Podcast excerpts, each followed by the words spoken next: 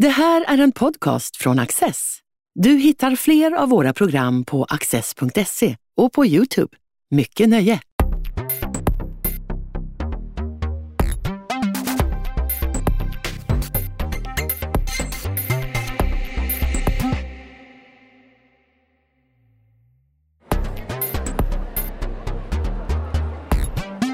Filosofie doktor Carl Johan Svensson ger oss en otrolig berättelse om förfalskade tavlor.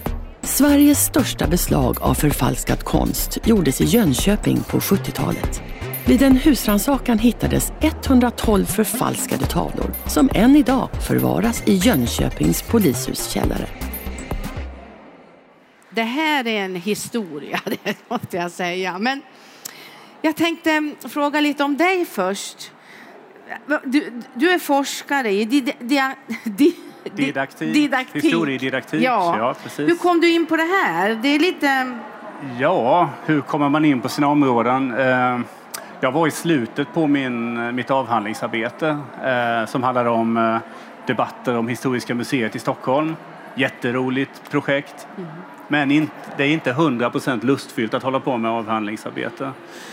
Så jag lovade mig själv där att nästa projekt ska vara mer ensidigt lustfyllt. Och då råkade jag vara på en eh, visning av den här samlingen som finns då i Jönköping. Ja.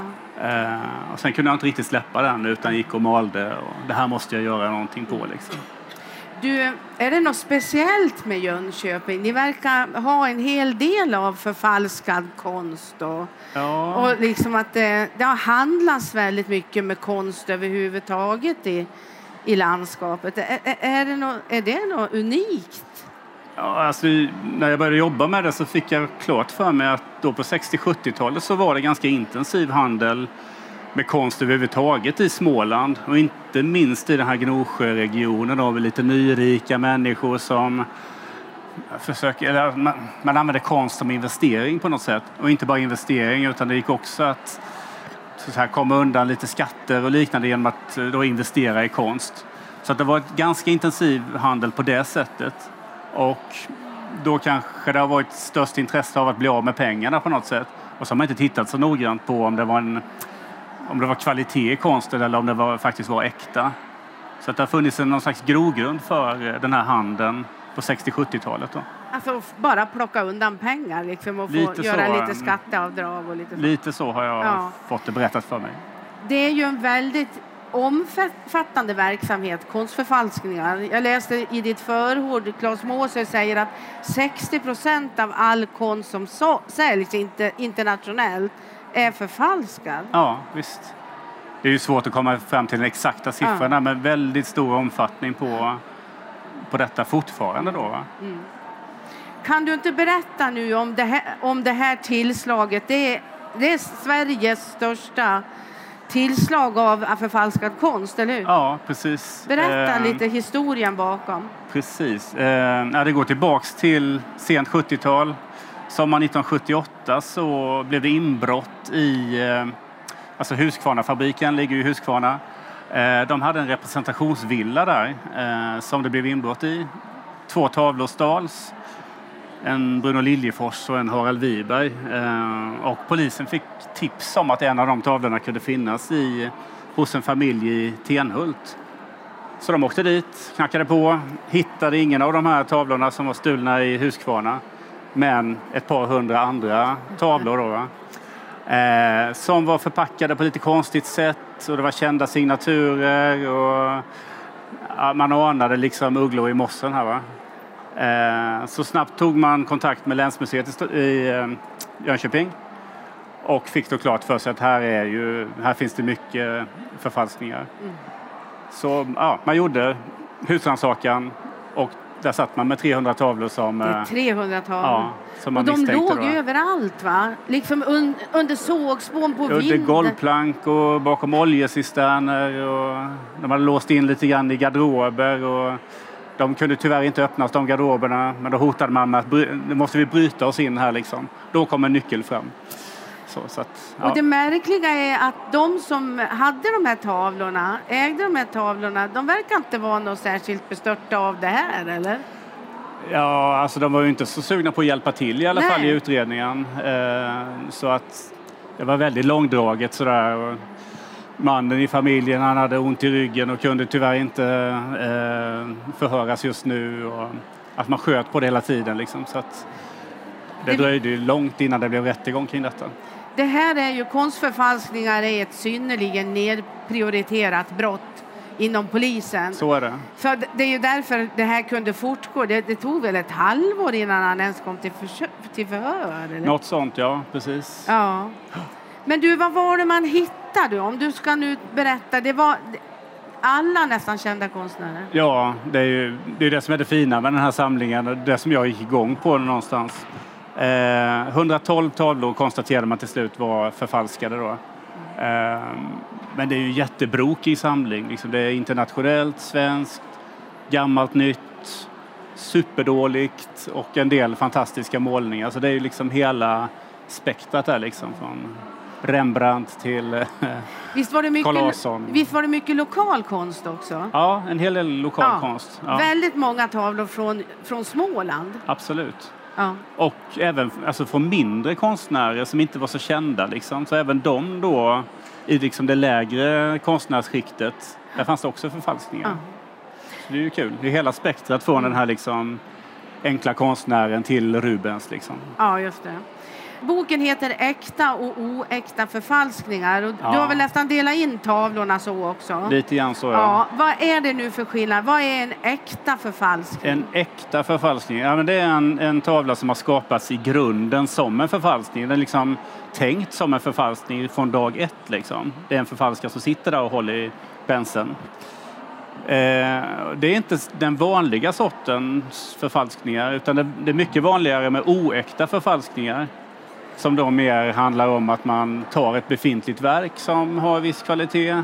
Sen, sen avlägsnar man signaturen och så fogar man dit en lite bättre signatur som kostar lite mer pengar.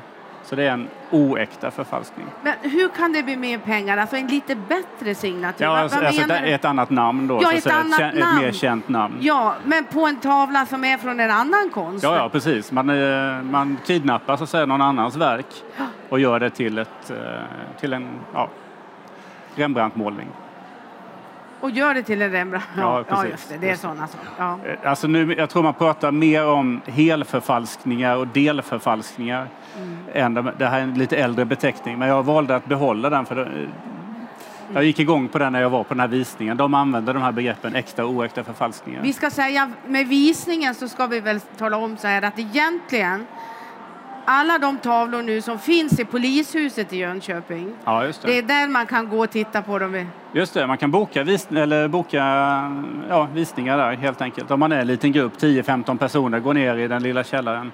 Så kan man ringa och boka tid och så får man... Och det är en poliskommissarie som visar. Ja, Han var, var med och, och la beslag på det här. Han var nog inte med i själva tillslaget men eh, han har varit med under lång tid. Så, Ja. ja.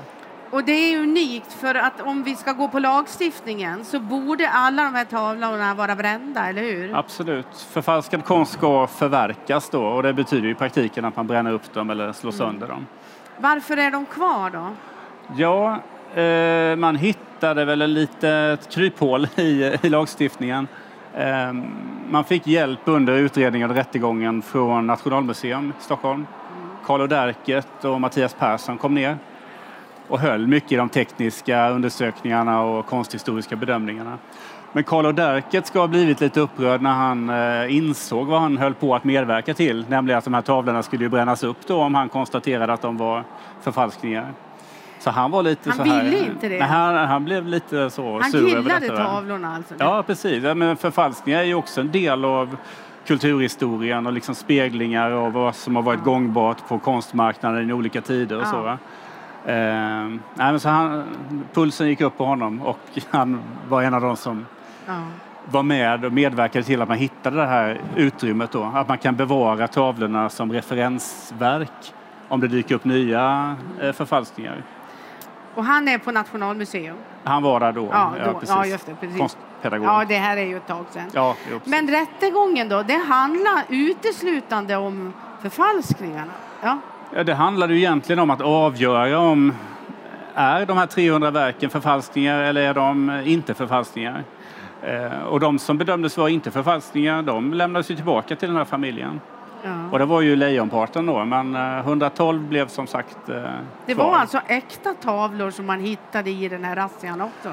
Ja, eller i alla fall så kunde man inte bevisa att de var förfalskningar. Så, så det är inte säkert att de var äkta? Ja, det, det, vet vi ingenting om. Nej.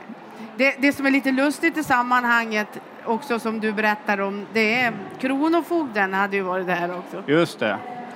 Ja. Eh, Eller sorgligt kanske vi ska säga. Jo, ja, det, det fanns ganska mycket kring eh, kring historier också. Liksom. Jag har fokuserat mest på, på själva tavlorna och så. Ja. Men Kronofogden var inne och, och eh, beslagtog också tavlor och sålde för att driva in en skuld och sådär. Ja, så, så de kan också ha sålt förfalskade ja, tavlor? Ja, precis, ja. precis. Men rättegången då, vad kom den fram till? För det, det, som är intressant här är att de som ägde de här tavlorna, de är inte dömda alls. Nej, eh, alltså inte. För, för detta så fick man Alltså bara för att du har en tavla hemma som, som hänger och är förfalskad så får du inget bötesstraff för det. Eh, däremot ska ju tavlan förverkas, det är det som är grejen. Eh, den ska förstöras liksom. Så det, rättegången handlade i princip om det liksom. Inte om att man skulle få ett straff eller eh, ja, böter eller fängelse eller så. Utan det inträder egentligen först när du försöker sälja de här tavlorna. Då blir det ett mer allvarligt bedrägeri brott. Liksom. Och det kan du få betydligt mer eh, straff för. Mm. Men de tittade aldrig på mängden av konst och att de var gömda och att det, det, alltså det var så mycket i det här som borde ja. ha lett till något mer polisarbete kan man tänka sig. Ja, hade det varit någon slags försäljning, hade man kunnat beslå dem med att det var en försäljning, då hade det blivit någonting annat. Ja. Så, men nu stod de ju mest där liksom. Mm. Uh, ja, så, så ser det ut. Och fortfarande är väl förfalskningar, det skriver de i din bok, ett, ett väldigt nedprioriterat brott? Så är det. Det finns en heltidspolis i hela Sverige som jobbar med konstförfalskningar. Och ja, han har ju ständigt liksom överfullt på sitt skrivbord. Liksom, och, och jag har pratat med honom också mycket och han säger ju att eh, han har ju fått fokusera på att försöka få bort förfalskad konst från marknaden. Det är hans prio ett liksom. Så det kommer inte ut speciellt mycket åtal från honom. Eh, utan han har satsat på att förverka konst. Liksom. Och bränna dem? Ja, alltså hittar man förfalskningar så kan man beslagta det och sen är det då upp till ägaren att försöka liksom, få tillbaka de där tavlorna eller inte. Men väldigt många då när man fått sina förfalskningar beslagtagna då driver de inte ärendet utan då släpper de där liksom. Eh, ja, och så försvinner tavlan från konstmarknaden. Men just de här tavlorna som de inte kunde bedöma. Du har ju ett exempel också med, med, med Claes Måsel och Antikrundan. Även han gick bet. Just det, ja det var ju eh, man skickade fram en Bengt Lindström-tavla där tror jag. Ja. Eh, och alltså, de på Antikrundan de har ju ett par minuter på sig att bedöma saker och ting. Va? Så det han fick framför sig det var en förfalskning. Men som Moses sa, så han får ju bedöma verket för som om det vore äkta så att säga. Han kan ju inte göra liksom eh, kemiska analyser eller dra fram UV-lampa eller liknande. Mm. Han hade ju säkert hittat detta om han hade tittat lite noggrannare. Mm. Men ja, Berätta nu om konstnärerna som hänger i polishuset i Jönköping. Ja. 150 stycken. Ja, 120 är 120, det. Ja, sånt. Ja. 112 eh, i eh, det här tillslaget och sen ja. har samlingen vuxit lite grann efter ja. detta. Så, nej, men det finns ju en, en hel del är ju faktiskt väldigt fina målningar. Det finns en eh, där det står Carl Larsson då längst ner i vänsterhörnan. Men där visade det sig att det är en sån här oäkta förfalskning eh, som visade sig vara ett självporträtt av Ava Lagercrantz mm. som hyfsat känd eh, konstnär i grunden liksom, men där någon har då varit framme och strukit över hennes eh, signatur och så tryckt dit Carl Larsson då som är värd betydligt mer pengar. Ja, och även på baksidan har man skrivit någonting sådär från vännen Karl eller någonting sånt där. Så det, det, är viktigt att titta även på baksidan. Ja för att få någon slags uppfattning om, eh, om det är en förfalskning eller inte. Ja. Det finns en del som hävdar att baksidan är nästan intressantare än, än framsidan mm. just vad det gäller att avslöja förfalskningar. då tittar man också på vad det är för material va? och hur gammalt det är. Man kan Exakt. göra sådana bedömningar också. Exakt. Och om det sitter en sån här liksom billig ram på ett, eh, ett verk som är liksom eh, värt, eller skulle varit värt väldigt mycket pengar så är det också liksom lite misstänksamt. Och där har du vad- bedömdes den tavlan som då? Då var det en oäkta Det är en oäkta förfalskning, Ja, delförfalskning. Ja, ja, precis. Men den här, den här Rubens, Rubens porträtt då? Just det. Ja. Den skymtar ju här på Det det- det här. omslaget. Han tittar Ja. fram här lite. Ja, Det här är ju ett självporträtt då, ska det vara. Ehm, och då är det någon som har tryckt dit och skrivit Rubens. Det var väl ett stort misstag då för att Rubens gjorde självporträtt mot slutet av sin karriär. Och då hade Rubens för länge sedan slutat att signera sina verk. Så att där var case closed så att säga. Alltså det, det var en förfalskning. Eh, Men den här, det finns ju väldigt mycket frågetecken kring den målningen ändå. Den är väldigt gammal. Eh, Om man har bedömt den då till att den är från sent 1600-tal, tidigt 1700-tal. Nu dog ju Rubens 1640 så att förmodligen är det ju inte han då va, som, som har varit framme med pensel. Men det kan ju vara någon elev till Rubens och det hänger ett snarlikt porträtt på Windsor Castle i, i eh, England. Som också, det väcker ju lite frågor också så här liksom.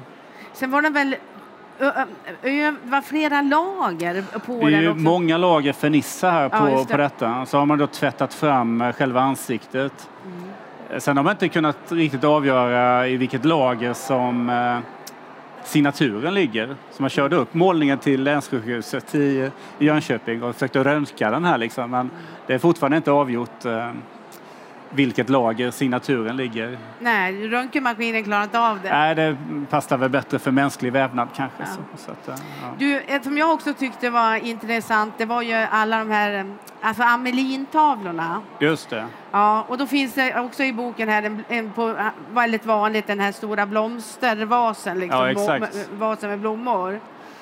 Ja, precis. Kul att du säger att den är väldigt vanlig för att ja, det visar ju sig att eh, Den är ju väldigt ja, vanlig. den är väldigt vanlig eh, eftersom det var en eh, notorisk Amelin-förfalskare igång på 60-70-talet som heter, eller hette Bror Eriksson. Berik kallades han. Eh, han erkände då mot slutet av sitt liv att han hade varit med och tillverkat 500 sådana här blomsterurnor. Så ja, det är väldigt vanligt motiv. Och man har bara hittat, så senaste siffran jag har sett är 75-80 stycken av de 500 då. Så att, eh, Så då är det kanske 400 människor som har en falsk Ja, Amelin exakt, hängande på exakt. väggen hemma. Som, som de tror och kanske har köpt ja, visst. för att vara äkta. Så är det. Jag är nu på jakt efter en sån. Det vore ju väldigt kul att ha en sån i Ja, men jag samlingen. håller med. Ja, Jag eller. Mycket hellre det än en äkta Amelin som jag för övrigt inte har råd med. Nej. Ja. Nej. Men du, du hade några andra intressanta tavlor också. Ja, det finns ju många här Mm. egentligen. Eh, Det finns en jättefin, eh, Olle Olsson Hagalund, som, eh, som består egentligen av, där förfalskaren har gjort ett eh, helt nytt verk, så det är en äkta förfalskning i grunden. Eh, men eh, förfalskaren har då lånat motiv från två målningar. En som heter Målaren i gräset och en som heter Hötorgs Målarens ateljé. Och då plockat en tredjedel, eller gjort, ja, tagit en tredjedel från ena verket och två tredjedelar från andra, satt ihop och målat en ny tavla. Då. Så att verket påminner väldigt mycket om, ja, men det, man kan känna att det här är en Olle Olsson Hagalund.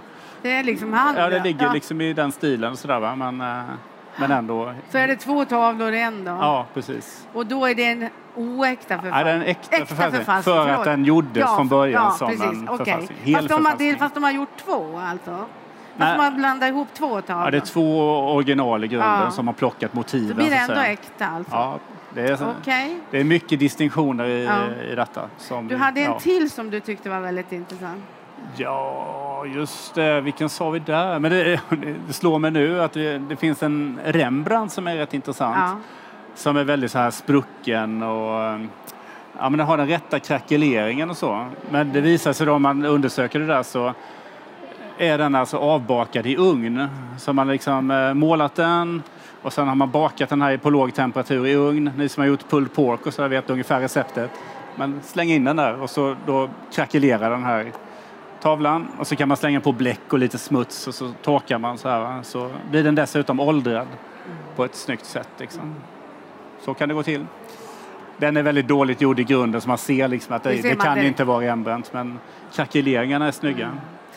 De är kunniga. Alltså förfalskarna ligger väl alltid steget före. Ja, det är ju någon form av katten på råttan-lek där. Och inte minst nu med modern teknik så Ja. händer ju väldigt mycket faktiskt. Det finns ju sådana här eh, UV-lampor till exempel som man liksom lyser med för att avslöja om någon har målat över något litet parti och så. Men då har man kommit på att man kan stryka på så här UV-skyddande fernissa som gör att liksom UV-lampan inte ger något utslag och sådär. Vad jag förstod så finns det många i Ryssland som sysslar med det här. Ja, Ryssland eh, har skilt ut sig lite grann här och den här Rubens-tavlan har nästan garanterat passerat Ryssland i något led här genom århundradena. Liksom. Ehm, nej, men det finns en mycket bakgrund till det, eh, inte minst efter Sovjets fall. Där så fanns det många konservatorer som, som blev av med sina jobb och så. Och då har det här dykt upp som en lukrativ bisyssla. Att, ehm, man köper då kanske ganska dyra målningar i grunden. Det kan vara liksom, eh, åker till England, köper en ett tavla för 100 000 spänn, tar den till Ryssland, målar på en lökkupol russifierar den så att säga. Sen tillbaks till England och säljer man för ja, en miljon istället. Liksom. Man har lagt på en nolla på priset. Förstå vad, vad mycket mä- människor förlorar stora pengar. Ja, det är mycket pengar inblandat. Liksom. Och där, därför är det så svårt att se att man har prioriterat ner den här brottsligheten så mycket som man har gjort. Ja. Eh, Peter Lloyd då, som är den här enda heltidsanställda polisen i, i Sverige.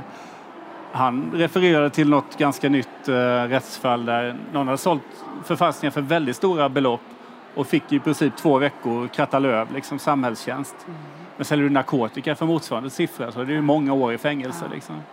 Det är märkligt. Är, det, ja. är det för att man... Är det, att det är rika människor som köper det? Att man tycker att ja. Ja. då får de skylla sig själv hur de investerar? finns något litet mått av detta. Det, Ja. det drabbar ingen fattig och man får skylla sig själv och, och lite så. Det, men då kan man ju fundera på det här med likhet inför lagen. Alltså Ja. inte all, har inte alla rätt till eh, skydd Ja.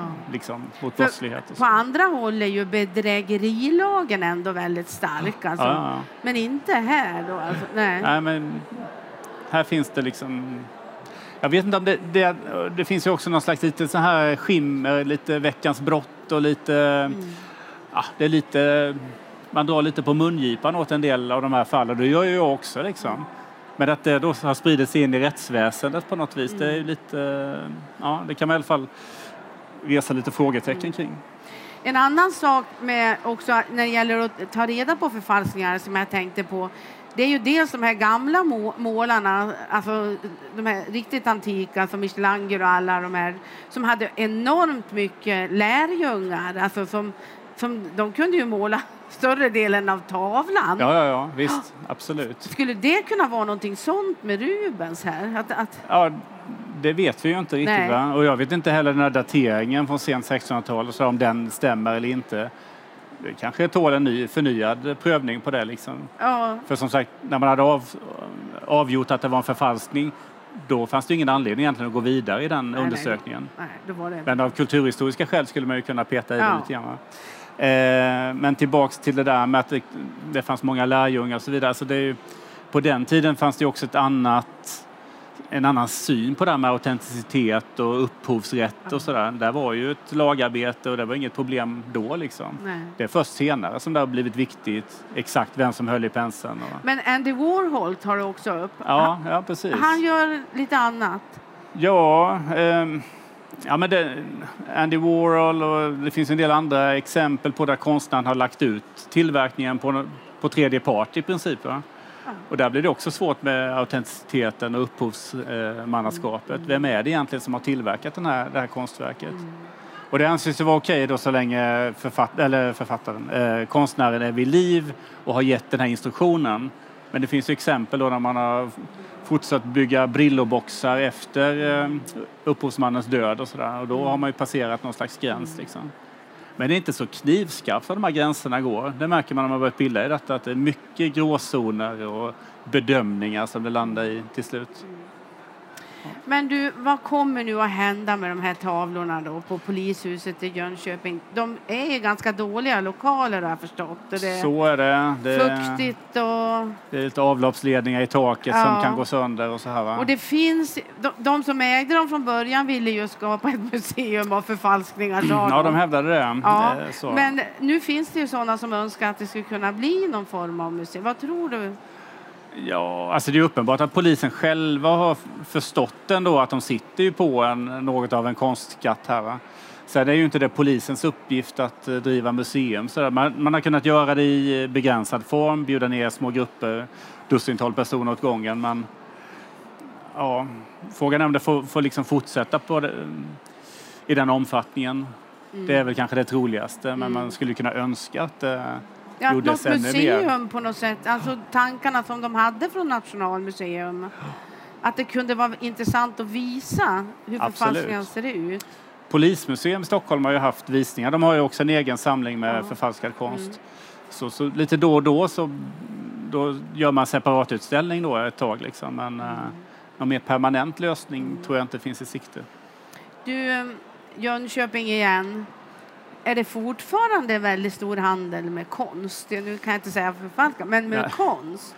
Ja, alltså, förr var det, fanns det ju många konsthandlare och så. Många har ju slagit igen. Eh, Men som jag har förstått det så har det liksom det har slagit i botten och lite grann på väg uppåt igen. Liksom. Men de aktörer som finns där, auktionsverk och liknande, de har ju ganska bra koll. De är seriösa. Ja, jo precis. Nej, men det, jag tar ju upp det i boken också. Att det, ganska ny, nyligen så har det dykt upp nya sådana här fall. Liksom, där då det, det är auktionskammaren som har slagit larm liksom, om att här är något fuffens. Liksom. Så att det Så lever och frodas. Det lever även, och frodas. även förfalskningar. 60 procent av all konst som säljs. Tusen tack. Tack, tack. Du har just lyssnat på en podcast från Access. Du vet väl att vi också är en tv-kanal och tidning? Teckna en prenumeration idag på access.se.